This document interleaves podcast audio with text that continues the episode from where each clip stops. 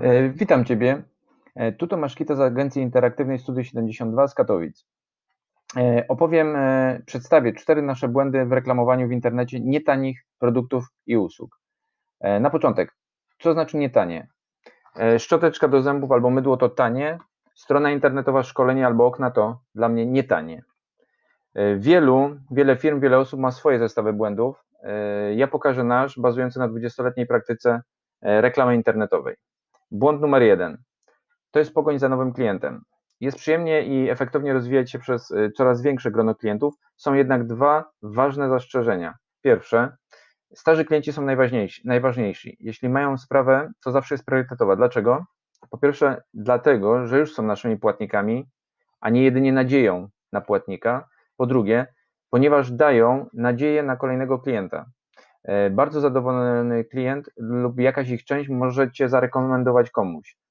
I tutaj e, ważne, nie ma silniejszego marketingu niż rekomendacja jeden do jeden. Czyli jeżeli mój klient poleci mnie jakiemuś swojemu e, partnerowi albo znajomemu. Dodatkowo, jeśli się tak wydarzy, będzie to najtaniej pozyskany mój klient. I teraz drugie zastrzeżenie, nowy klient, ale nie za każdą cenę. Jeśli klient ma średnie wymagania, średni budżet, super. Wysokie, wysoki, super. Niskie wymagania, niski budżet, również super. Natomiast jeśli jego oczekiwania e, przerastają jego budżet, to jest to zły klient, trzeba uciekać. Błąd numer dwa. Klient kupuje z marszu, czyli zobaczył reklamę, kliknął lub zadzwonił i kupił. Niestety sprzedaż nietanich produktów, o których wspomniałem, na przykład y, dom, okna, strona internetowa, szkolenie, to jest w większości przypadków dłuższy proces. Bywa, że od pierwszego poznania, e, poznania niestety jednostronnego, bo klient jedynie wszedł na moją stronę, ja go nie znam, e, że od tego poznania do zakupu miną miesiące. Podczas tych miesięcy trzeba o sobie, a ściślej o swojej wartości przypominać. Mm, Nie znamy się, więc banerami remarketingowymi, takie banery udostępnia Google, Facebook, sieci partnerskie. Chcesz coś sprzedać za 5 miesięcy? Super, to zacznij dziś. Błąd numer 3, który się, który się wiąże z, z banerami omówionymi przed chwilą. Ciągle to samo przypomnienie, to jest błąd numer 3. E, Kiedy mijasz billboard po drodze N raz, to przestajesz go dostrzegać, ponieważ widziałeś to samo zbyt wiele razy.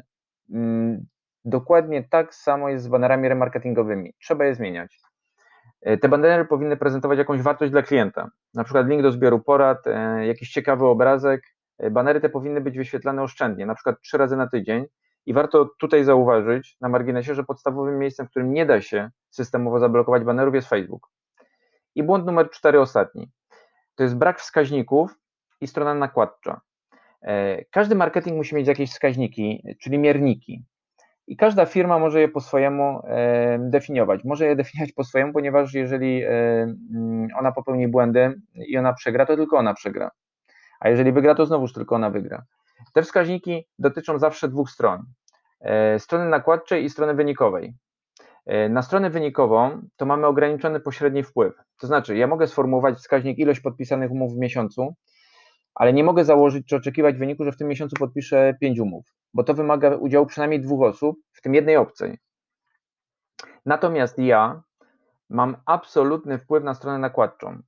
E, Na przykład mogę zaplanować, że w danym miesiącu ja napiszę dwa teksty eksperckie na bloga e, e-marketingowego, wypromuję je na Facebooku dwoma e, dark postami e, o mikrobudżetach, na przykład 50 zł, dokonam analizy kliknięć, kto kiedy i co jeszcze czytał na tym blogu via statystyki Google Analytics.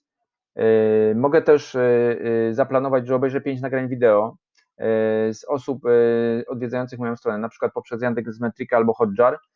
No i mogę przejrzeć również Ahrefs Senuto lub dodatkowe wyniki zapytań w Google i przygotować dwa kolejne tematy do publikacji.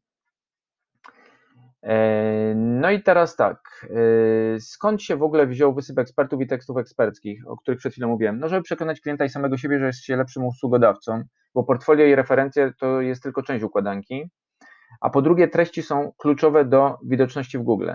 Czy to wszystko jest czasochłonne?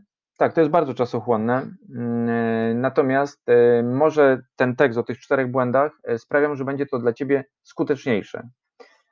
Dziękuję, pozdrawiam. Tomasz Kita, Studio 72.